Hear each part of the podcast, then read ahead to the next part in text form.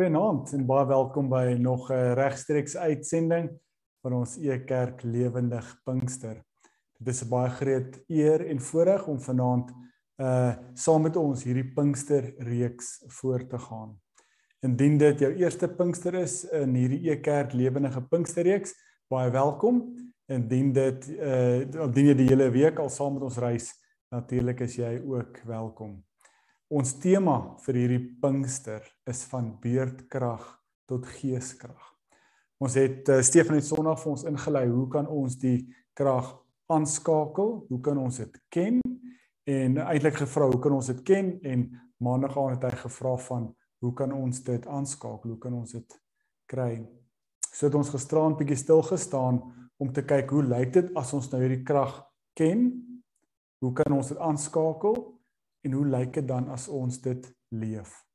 Vanaand se tema wil ons graag bietjie stil staan van hoe ons kan beweeg of hoe God se gees ons help om te beweeg van sug na krag. Kom ons bid ook saam ons vra die Here se seën vir vanaand. Here, dankie vir u u teenwoordigheid, dankie vir u nabyheid. Dankie vir u gees wat u vir ons gegee het om ook by ons te wees waar ons vanaand by voete kom sit en hoor wat u wil vir ons lewe is. Ons weet waar ons u woord gaan oopmaak vanaand dat u as outeur saam met ons teenwoordig is en met ons praat deur die Gees. Mag u ook verheerlik word deur wat ons vanaand hier saam gesels. Amen. Van sug tot krag. Ek weet nie of jy aan die begin van beerdkrag, toe beerdkrag nog nuut iets vreemds was vir ons het ons op 'n gereelde basis gesug vir die konsep en vir die idee van beerdkrag. Miskien sug jy nog steeds as jy hoor dis beerdkrag dat jy jou hele dag moet om om hierdie beerdkrag skedule moet beplan. So in ons geestelike lewe het ons ook soms 'n sug as gevolg van geestelike beerdkrag in ons lewe. Vanaand wil ons bietjie kyk nou Paulus ons help en onder andere bietjie stil staan by Romeine 8 oor hoe Paulus ons help oor hoe ons kan oorbeweeg, hoe God ons help om te beweeg van sug in ons geestelike lewe na krag. Van hoe ons kan wegbeweeg van beerdkrag af na geeskrag.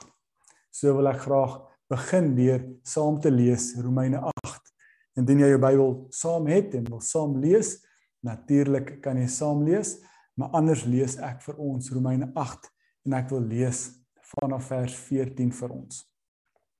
Almal wat toelaat dat die Gees hulle lei, is God se kinders. Julle self het die Gees van God ontvang. Hy sorg dat julle nie so slawe is wat gedurig in vrees en angs vir God leef nie. Allermins Julle het die Gees ontvang. Hy het julle verander en julle aangeneem as kinders van God. Deur die Gees roep ons aanhoudend uit in ons harte: Abba, liefdevolle Vader. Die Gees oortuig ons hier diep binne in ons harte dat ons God se kinders is. En as ons sy kinders is, is ons ook erfgename. Dan erf ons by God. Saam met Christus is ons erfgename van alles wat God in sy groot rykdom vir Christus op sy gesit het. Daarom, as ons bereid is om die lyding wat Christus hier op aarde deurgegaan het, ook in ons eie lewens te dra, sal ons deel hê aan sy heerlikheid. Dit is die erfporsie wat op ons wag.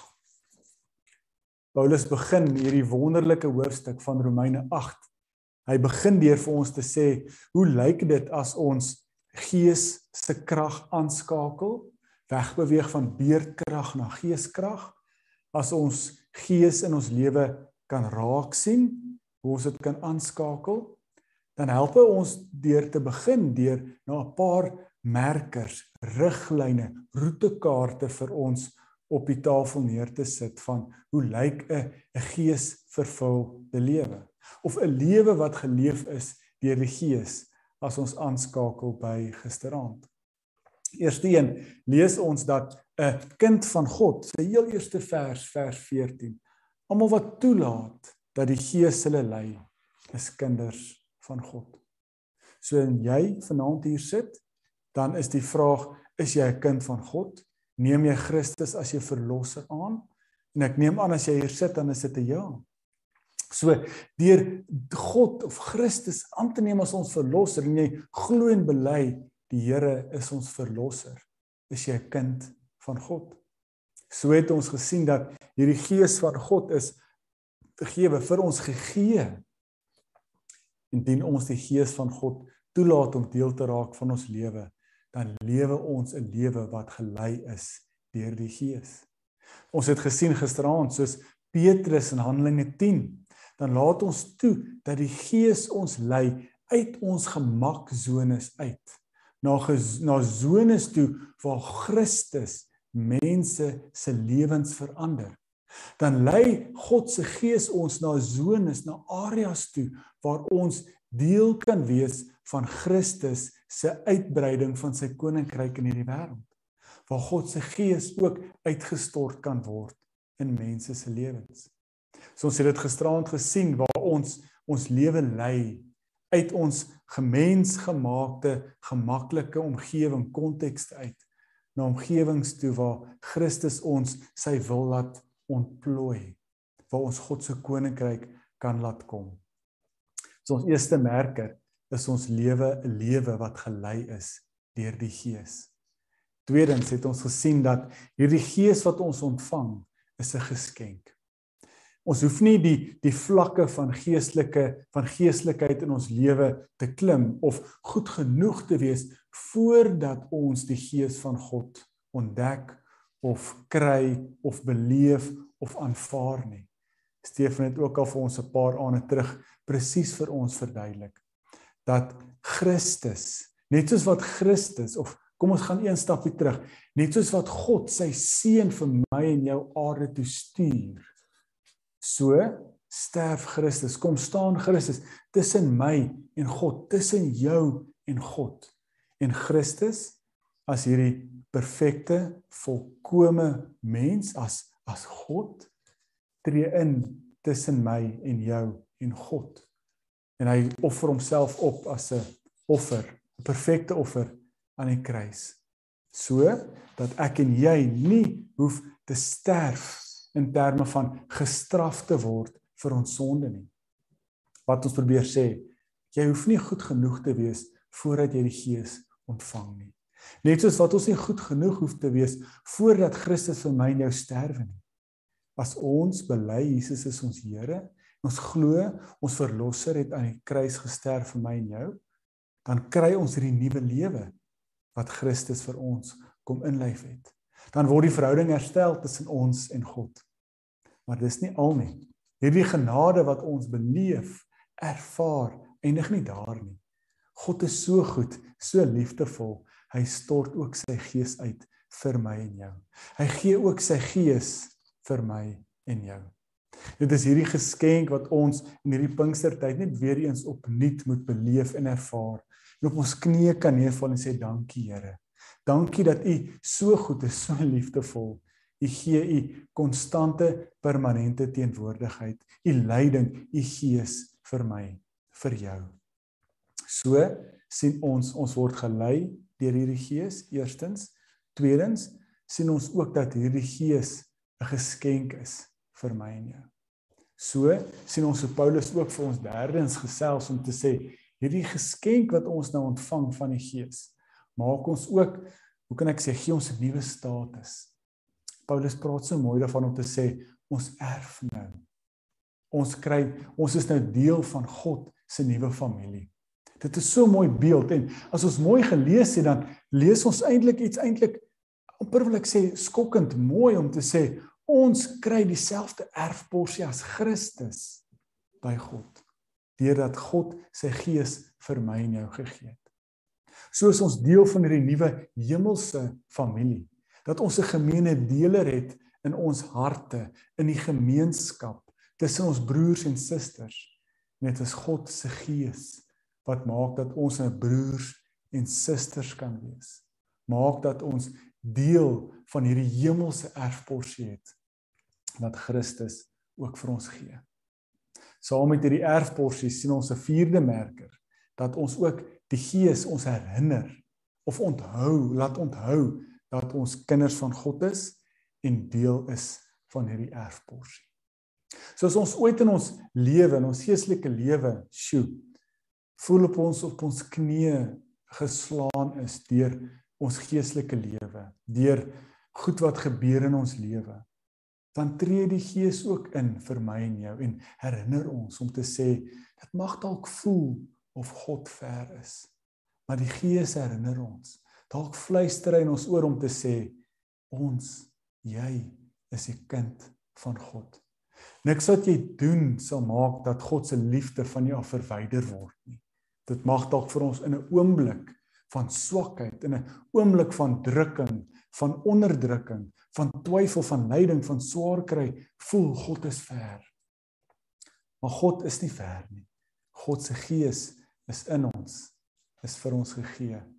Dit is hierdie gees wat ons lei en ons herinner dat ons kinders van God is.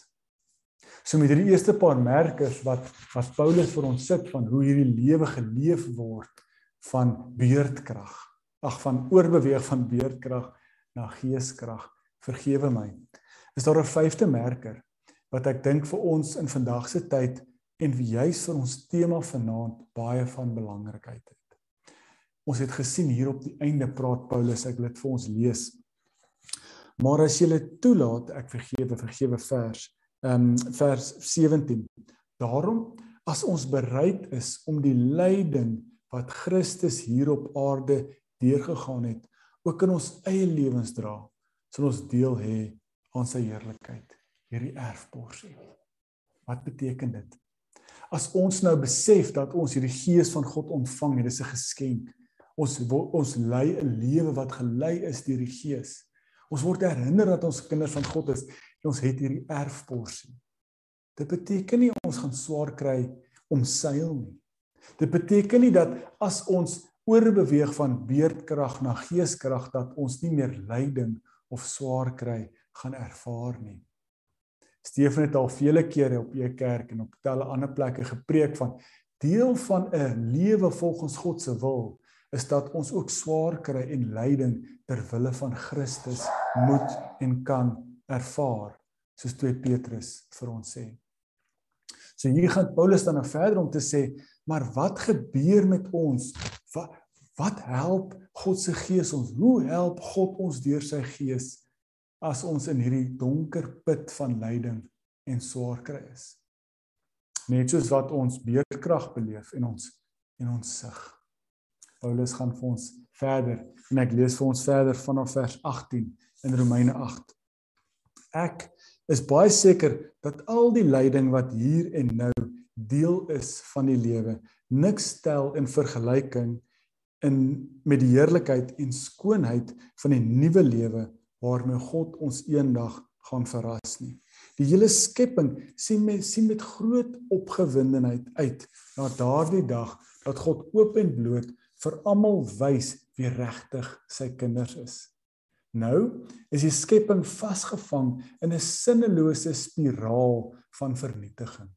Nee, dit gebeur nie vrywillig nie.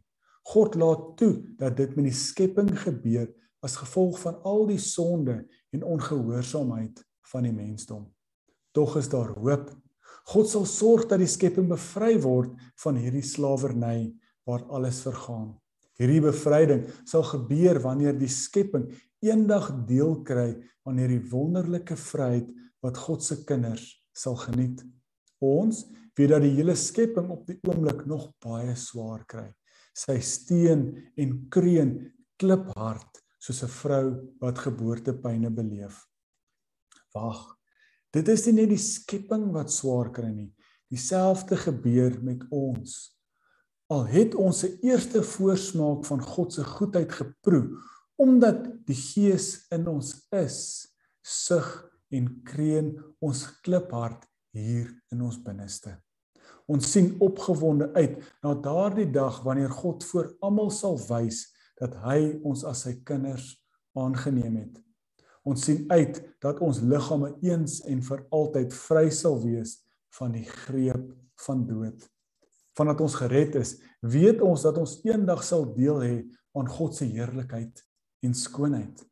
Ons sien dit nog nie nou al met ons eie oë nie, dan sou dit eintlik nie meer hoop gewees het nie. As ons nou reeds God se heerlikheid met ons eie oë sou sien, gaan ons nie met alles in ons daarna uitsien nie. Maar nou is al ons hoop gerig op God se heerlikheid wat ons nog net met ons eie oë nie kan sien nie. Ons wag geduldig hierop. Eintlik kan ons nie meer wag van opgewondenheid nie. Ons lees hier hoe Paulus oorbeweeg om te sê as ons nou hierdie gees beleef, ervaar as 'n geskenk in ons lewe, 'n lewe wat gelei is deur die gees. Ons word herinner aan hierdie vreugde wat ons het dat ons deel is van hierdie erfporsie, ons erf by God. Hy sê Paulus so mooi dat hierdie lewe, hierdie erfporsie is die gees wat in ons is en dit moet ons met opgewondenheid vul.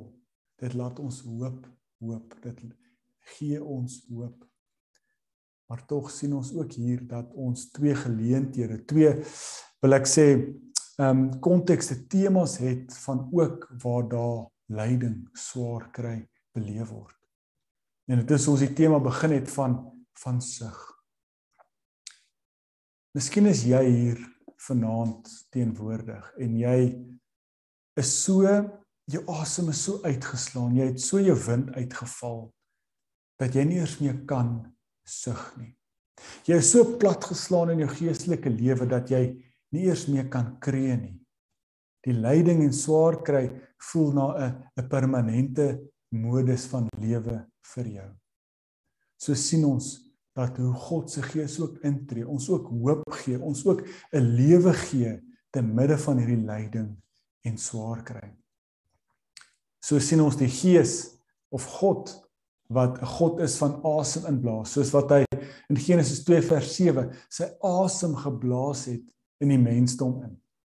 So sien ons toe die ehm um, die mense in Egipte Eksodus 2 gekla het oor die volk wat hulle wat hulle kla die volk kla by God want hulle is onderdruk in slawerny stuur God ook vir hulle lyding bevry God hulle ook uit hierdie slawerny uit uit hierdie onderdrukking uit God hoor hoe die volk sug God stuur sy gees hy stuur sy wind hy stuur sy teenwoordigheid om hulle te begelei deur die woestyn So lees ons in Esegiel 37 hoe God sy asem blaas en lewe in dooie bene inblaas.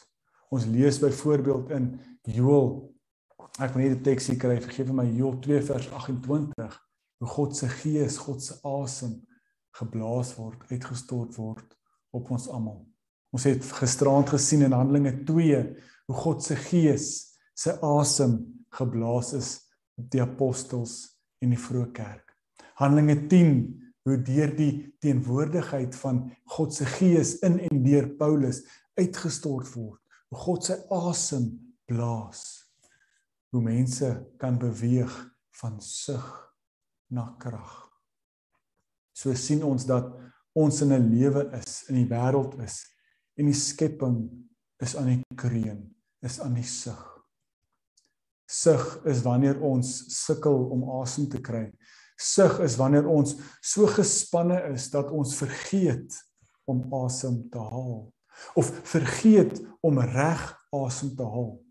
Ons is so gespanne, ons is so onderdruk dat ons vergeet om asem te haal.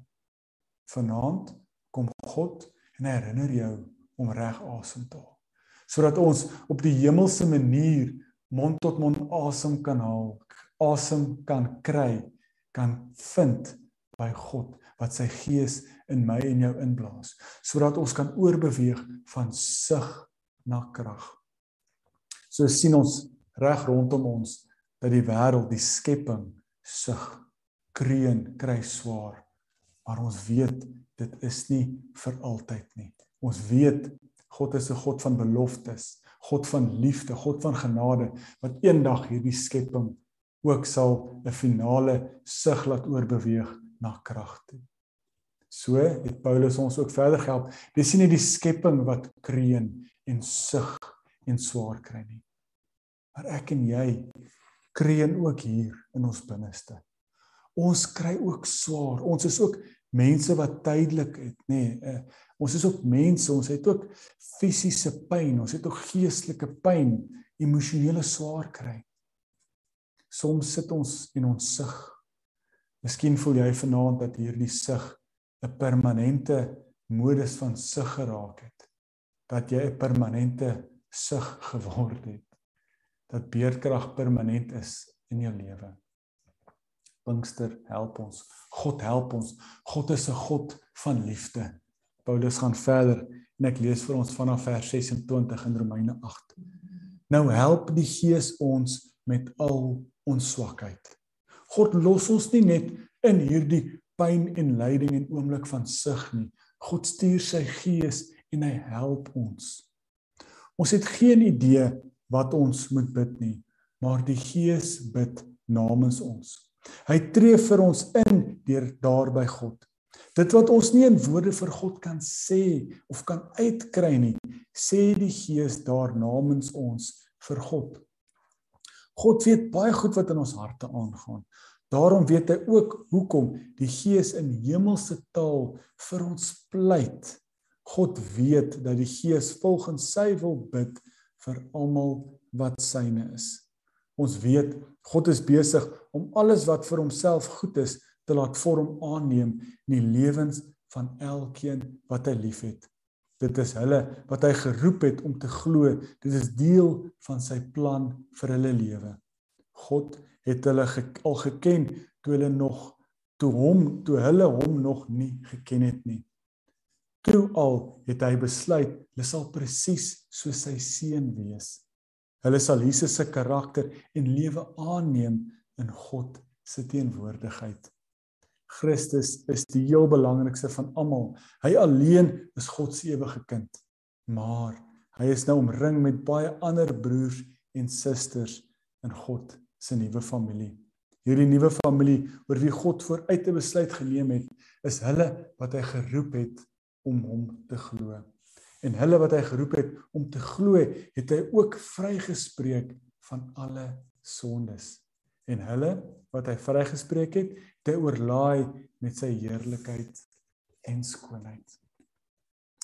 Dit is dalk een van die mooiste gedeeltes.